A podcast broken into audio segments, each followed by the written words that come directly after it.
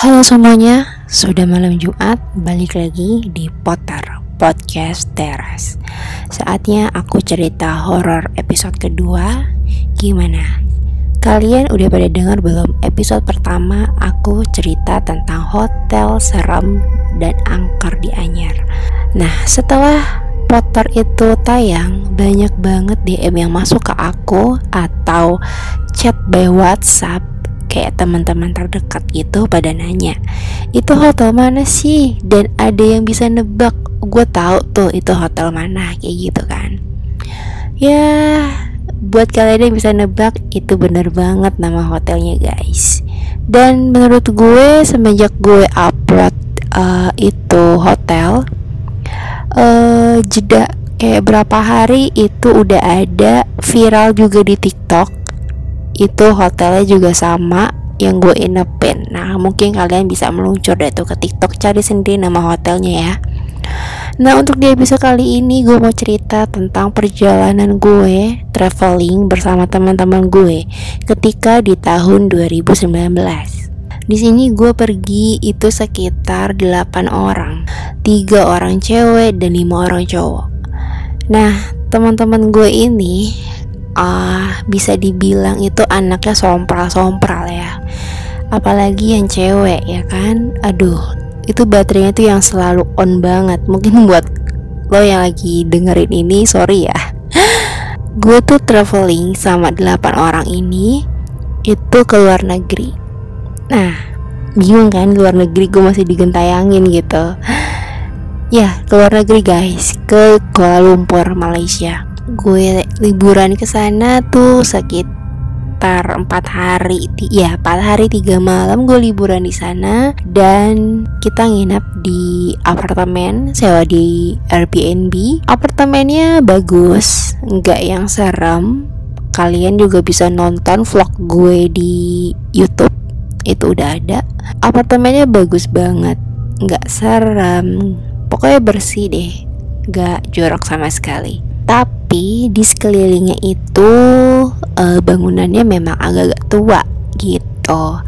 Nah, ketika gue lagi bikin vlog room tour apartemen, itu ternyata view di kamar gue itu langsung ke gedung kosong kayak gedung yang lagi dibangun tapi berhenti gitu aja dan gak dilanjut dibangun gitu dan dari uh, bangunannya sih kayak udah lama gitu guys. Nggak dilanjutin bangunannya gitu.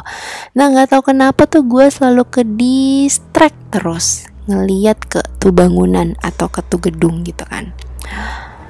Nggak tahu gitu. Kayak ada yang uh, menarik gue untuk melihat ke situ memperhatikan ke uh, daerah situ gitu kan. Selalu tuh gue selalu ngeliatin gedung itu nggak tahu kenapa Nah, karena posisi gue pas liburan itu emang lagi ngedrop, jadi emang salah di gue juga sih. Kita flight tuh pagi banget dan belum sarapan, sempat delay juga. Udah gitu, pas di dalam pesawat gue cuman minum kayak susu anget, perut kosong. Jadilah gue pas nyampe di bandara KL itu sempat jackpot juga dan pokoknya muka gue udah pucat eh bener-bener pakai kondisi gue saat itu emang lagi ngedrop banget gitu. Kayak butuh istirahat dulu gitu sebelum gue traveling. Nah posisi gue lagi ngedrop itu gue sampai siang di sana sekitar jam 12-an gue istirahat gue bed rest. Baru enakan itu di jam 4 sore. Udah gitu langsung lanjut uh, kita biasa uh, city tour gitu. Di situ nggak ada hal-hal aneh nggak ada tapi ketika malam ya, hari sudah malam, uh, kita pulang itu di jam 8 malam, kita udah sampai di apartemen, kita posisi udah pada makan, kayak ya udah kita istirahat karena capek juga, kita nggak mau bablas yang sampai tengah malam banget. Jam 8 kita udah di apartemen istirahat. Di situ posisinya kita masih main kartu ya sama anak-anak lagi main kartu sampai jam 12-an gitu gue chat lah sama suami gue biasa whatsappan gitu sama dia terus udah gitu udah nih anak dua nih yang cewek udah tidur dari jam 12 atau jam 1 lah gue lupa. Pokoknya gue tidur belakangan dan anak-anak cowok juga tuh gue denger dari kamar juga udah pada nggak ada suaranya mungkin ada sebagian udah pada tidur kali ya. Nah posisi tuh gue nggak bisa tidur nggak tahu kenapa nggak bisa tidur sama sekali. Padahal gue ngedrop dan gue butuh istirahat tapi gue nggak bisa tidur. Dan posisi gue juga habis minum obat biasanya habis minum obat tuh gue langsung yang mata sepet gitu kan ini nggak sama sekali. Posisi tidurnya tuh gue di tengah yang temen gue Nina di sebelah kanan gue dan Lucy di sebelah kiri gue. Nah pas gue mau tidur udah gue tidur. Gue tuh ngerasa gue tidur ya.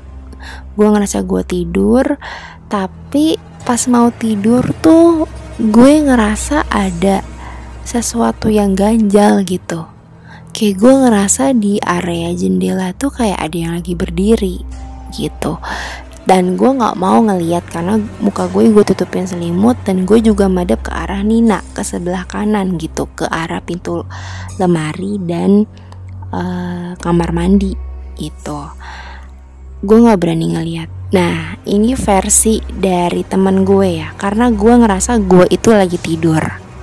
Tapi temen gue cerita dari sudut pandang temen gue, fit, fit, kenapa? Dan ternyata di situ posisinya tuh gue lagi nangis, kayak nangis, kayak gitu. Terus si Nina panik, fit lo kenapa? Kenapa lo sakit? Apa yang lo rasa? Karena anak-anak tahu gue lagi sakit kan. Apa yang dirasa lo kenapa? Kenapa nangis gitu? Terus kok makin lama nangisnya malah makin kenceng. Terus si Nina langsung yang manggil-manggil gitu kan. Fit, Fit kenapa? Terus dari kalau dari cerita sudut pandang Nina nih kayak gue tuh sampai ngebangunin badan lo gue goyang-goyang kayak fit fit fit bangun gitu tapi lo nggak bangun bangun terus yang ada gue malah diketawain tau gak sih kayak hehehe kayak gitu dan itu persis banget suaranya kayak kunti. Udah karena gue panik kata si Nina. Akhirnya gue langsung keluar manggil anak-anak cowok kayak minta tolong gitu. Nah untungnya tuh di situ ada salah satu cowok gitu yang bisa dan agamanya lumayan kuat. Jadi gue ditolong sama dia. Uh, di situ katanya gue dibaca-bacain gitu lah sama si Yudis. Entah dipegang apa gimana. Terus juga uh, yang lain yang cowok tuh kayak eh kenapa kenapa? Kayak gitu. Kenapa? Terus akhirnya gue udah sadar ya udah kayak gue bangun loh kenapa kok pada rame? Gitu. Terus akhirnya karena si Nina dan Lucy takut tidur di kamar sama gue akhirnya kayak ya udah kita tidur di depan aja bareng sama cowok-cowok gitu kita di kursi cowok-cowok di lantai karena kita dapat extra bed gitu kan di ruang tamu gitu akhirnya uh, cowok-cowok di extra bed di lantai gitu kita di kursi yang cowok-cewek tidur lah di situ udah pagi Nah pagi udah selesai, siang udah selesai, kita jalan-jalan kayak biasa gitulah, city tour gitu, traveling. Malam lagi kejadian lagi, dan yang ini lebih parah. Lebih parahnya kenapa? Karena posisi itu kita habis belanja oleh-oleh di jam 10 malam. Kita mandi bersih-bersih mau tidur di jam 12 malam. Gue duduk di pinggir kasur ngadep ke hording itu ya ke hording itu terus di situ gue ngerasa di depan gue ada orang dan gue cuma ngomong sama dia gini gue nggak mau diganggu. Hidup lo sama hidup gue itu beda. Beda tempat. Kita beda gitu. Please jangan ganggu. Gue di sini cuma numpang tidur aja. Gue di sini cuma numpang untuk jalan-jalan aja. Dan gue nggak akan ngeganggu lo. Gue bilang gitu sama dia. Terus nggak tahu kenapa semakin gue fokusin gue fokusin gitu terus kayak hati gue tuh kayak sedih gitu loh. Nggak tahu kenapa kayak sedih aja. Hati gue sedih terus bawaan gue pengen nangis. Terus gue bilang gue nggak bisa gue nggak bisa. Gue selalu ngomong kayak gitu gue nggak bisa. Kayaknya sih dia kayak berusaha buat masuk ke badan gue lagi kali ya. Gue juga nggak ngerti tapi bawaan gue tuh dari gue yang happy mood gue langsung tiba-tiba berasa sedih gitu loh kayak pengen nangis dan kejadian lagi di situ posisi tiba-tiba gue ketawa kenceng banget kata Nina. Karena di situ posisi gue ingat yang terakhir itu gue lagi duduk dan gue ngobrol. Nggak ngobrol sih gue cuma ngomong sama diri gue sendiri dan mungkin dia ada di depan gue gue juga nggak tahu. Gue cuma ngomong kayak gitu. Terus udah tiba-tiba gue hilang terus kata Nina lagi-lagi gue ketawa dan ini makin kenceng ketawanya daripada yang kemarin malam kayak langsung ketawa. Terus nangis. Uh, sakit sakit. Terus langsung lah tuh ya katanya uh, dia panggil lagi Yudis. Terus tiba-tiba gue sadar tuh Yudis udah di depan gue dan masih megang jidat gue gitu uh, sama kepala gue terus dia cuman bilang udah stop fit. Jangan diladenin. Yaudah. Nah karena posisinya itu gue abis kayak gitu cewek-cewek ini pada meri pada takut lagi kan. Terus kayak so ide lagi eh kita duduk depan aja lagi gitu. Terus gue bilang ngapain sih? Gue bilang udah kita duduk aja di kamar gitu. Ah enggak ntar malah kejadian lagi lo nangis lo ketawa terus akhirnya ya udah kita di kamar aja tuh. Posisinya tuh berubah.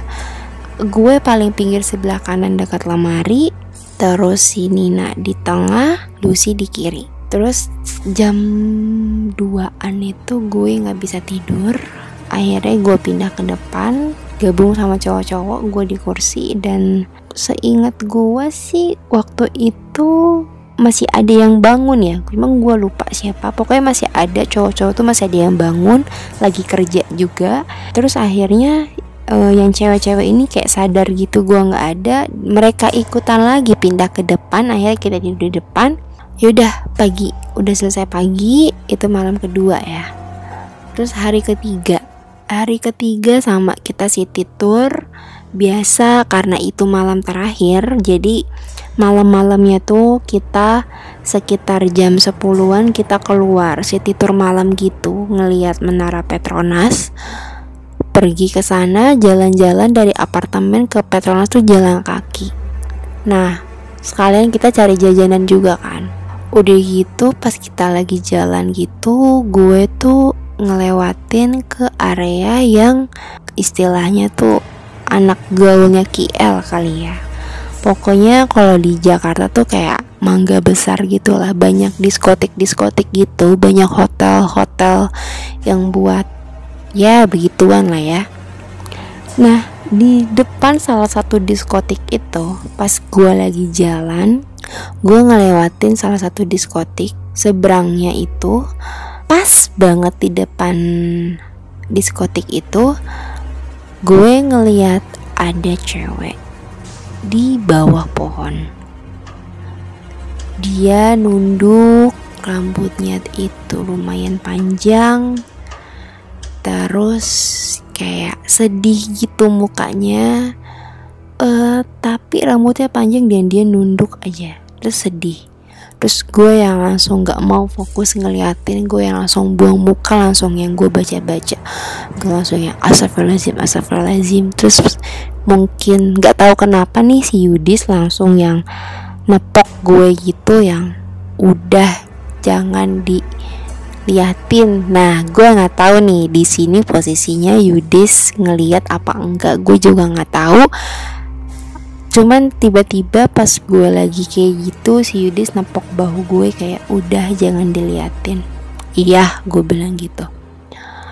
Udah selesai kayak gitu udah balik posisi balik itu kita nyampe di apartemen jam satuan. Nah itu kita tidur di kamar cewek-cewek ya kan? Udah gue tidur terus uh, di situ gue bisa tidur. Gue bisa tidur pulas. Tapi di jam 3 atau setengah empat gue kesantak bangun tiba-tiba bulu kuduk gue merinding. Dari ujung kaki sampai ujung kepala itu gue merinding banget dan gue nggak bisa tidur. Akhirnya gue buka pintu kamar gue berusaha tidur nggak bisa tidur juga. Terus akhirnya gue pindah ke depan gue tidur di kursi. Dan itu posisi cowok-cowok udah pada ngorok semua nggak ada yang bangun satupun. Dan ruangan gelap gue nggak bisa gitu kan tidur di ruangan gelap. Gue tidur di kursi gue bawa selimut tetap nggak bisa tidur juga si Jaki itu tidur paling pinggir gue bangunin Jak pindah lo ke sofa gue bilang. Gue tidur di sini. Serius loh kata dia. Iya gue nggak bisa tidur gue bilang. Yaudah yaudah. Mungkin dia juga takut kali ya terjadi sesuatu lagi sama gue. Dia takut gue kenapa kenapa gitu. Akhirnya gue tidur atau di bawah situ. Uh, di pinggir. Si Jaki pindah ke sofa. Udah gue di situ gak tahu kenapa tuh gue mimpi serem banget emang. Pas tidur di lantai itu jadi gue tuh mimpi itu cewek yang gue lihat di bawah pohon itu tuh dia kayak nangis minta tolong gitu. Gue nggak tahu dia kenapa. Entah dia meninggal karena dibunuh atau diperkosa gue juga nggak tahu tapi dia nangis sedih banget kayak minta tolong gitu terus akhirnya pas gue lagi tidur gitu terus tiba-tiba jam setengah lima atau jam empatan gitu Yudis bangunin gue. Terus kayak yaudah sini yuk kita pamitan. Gue dibersihin gitu gak tahu kenapa tiba-tiba gue nangis. Dan itu gue sadar itu gue sadar. Gue nangis tolong tolong tolong tolong sakit.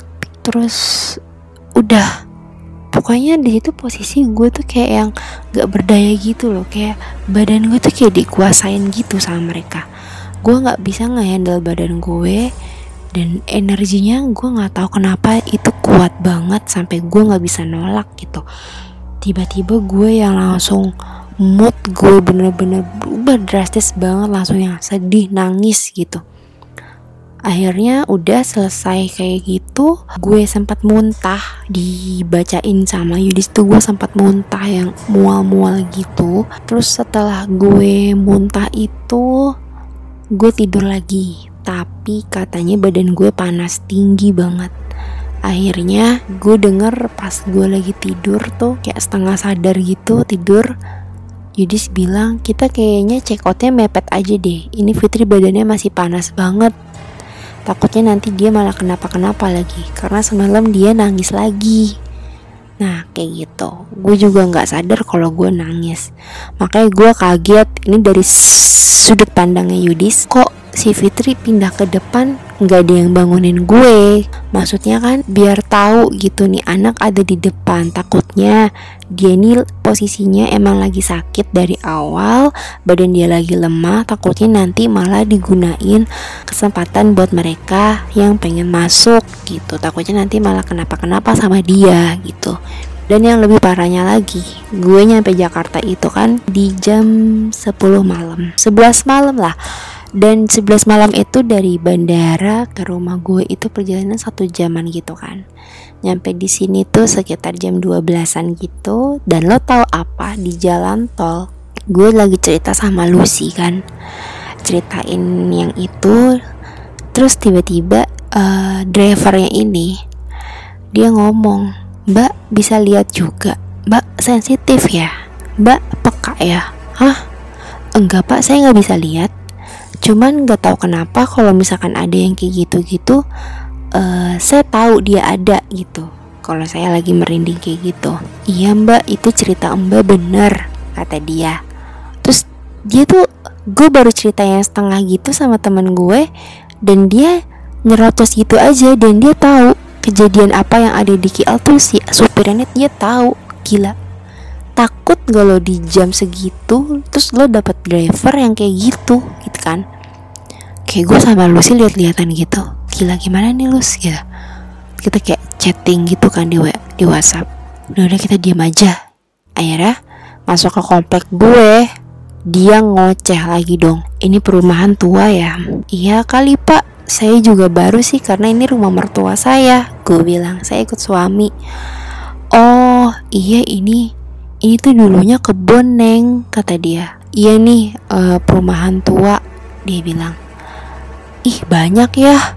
Tapi itu siapa yang ngikut-ngiketin pak nggak tahu saya. Terus gue langsung yang sama Lucy tendang-tendangan kaki gitu kan. Iya di sini banyak banget mbak kata dia. Tapi ini dia diikat-ikat. Nah saya nggak tahu mungkin biar nggak ganggu kali ya. Nah karena posisi rumah gue itu ada di paling ujung ya kan. Jadi kayak masuk gang terus paling ujung lagi gitu Wah mbak di gang mbak lebih rame nih mbak dari yang tadi Apalagi di ujung Nah posisinya tuh gue dua rumah dari jalan buntu ya Itu di ujung banyak banget Ada cewek lagi kata dia Males ngasih lo di jam segitu dia nyeritain apa yang dia lihat ke kita. Nah, itu kan gue mesen mobilnya kan yang dua titik gitu ya. Jadi nganterin gue dulu baru ke si Lucy. Terus si Lucy tuh kayak yang langsung takut gitu kan. Iya sih gue juga takut gitu kalau misalkan ditinggal sendirian di mobil itu sama tuh bapak. Dan ternyata lo tahu apa? Bapak itu tuh dia pernah mati suri.